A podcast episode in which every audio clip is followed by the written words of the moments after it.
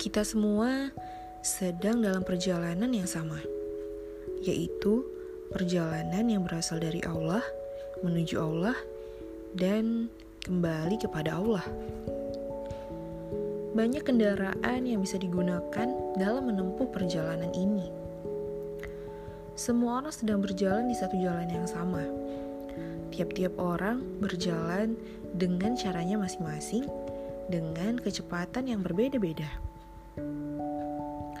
Ada yang ngebut sekali, ada yang santai, ada yang lambat.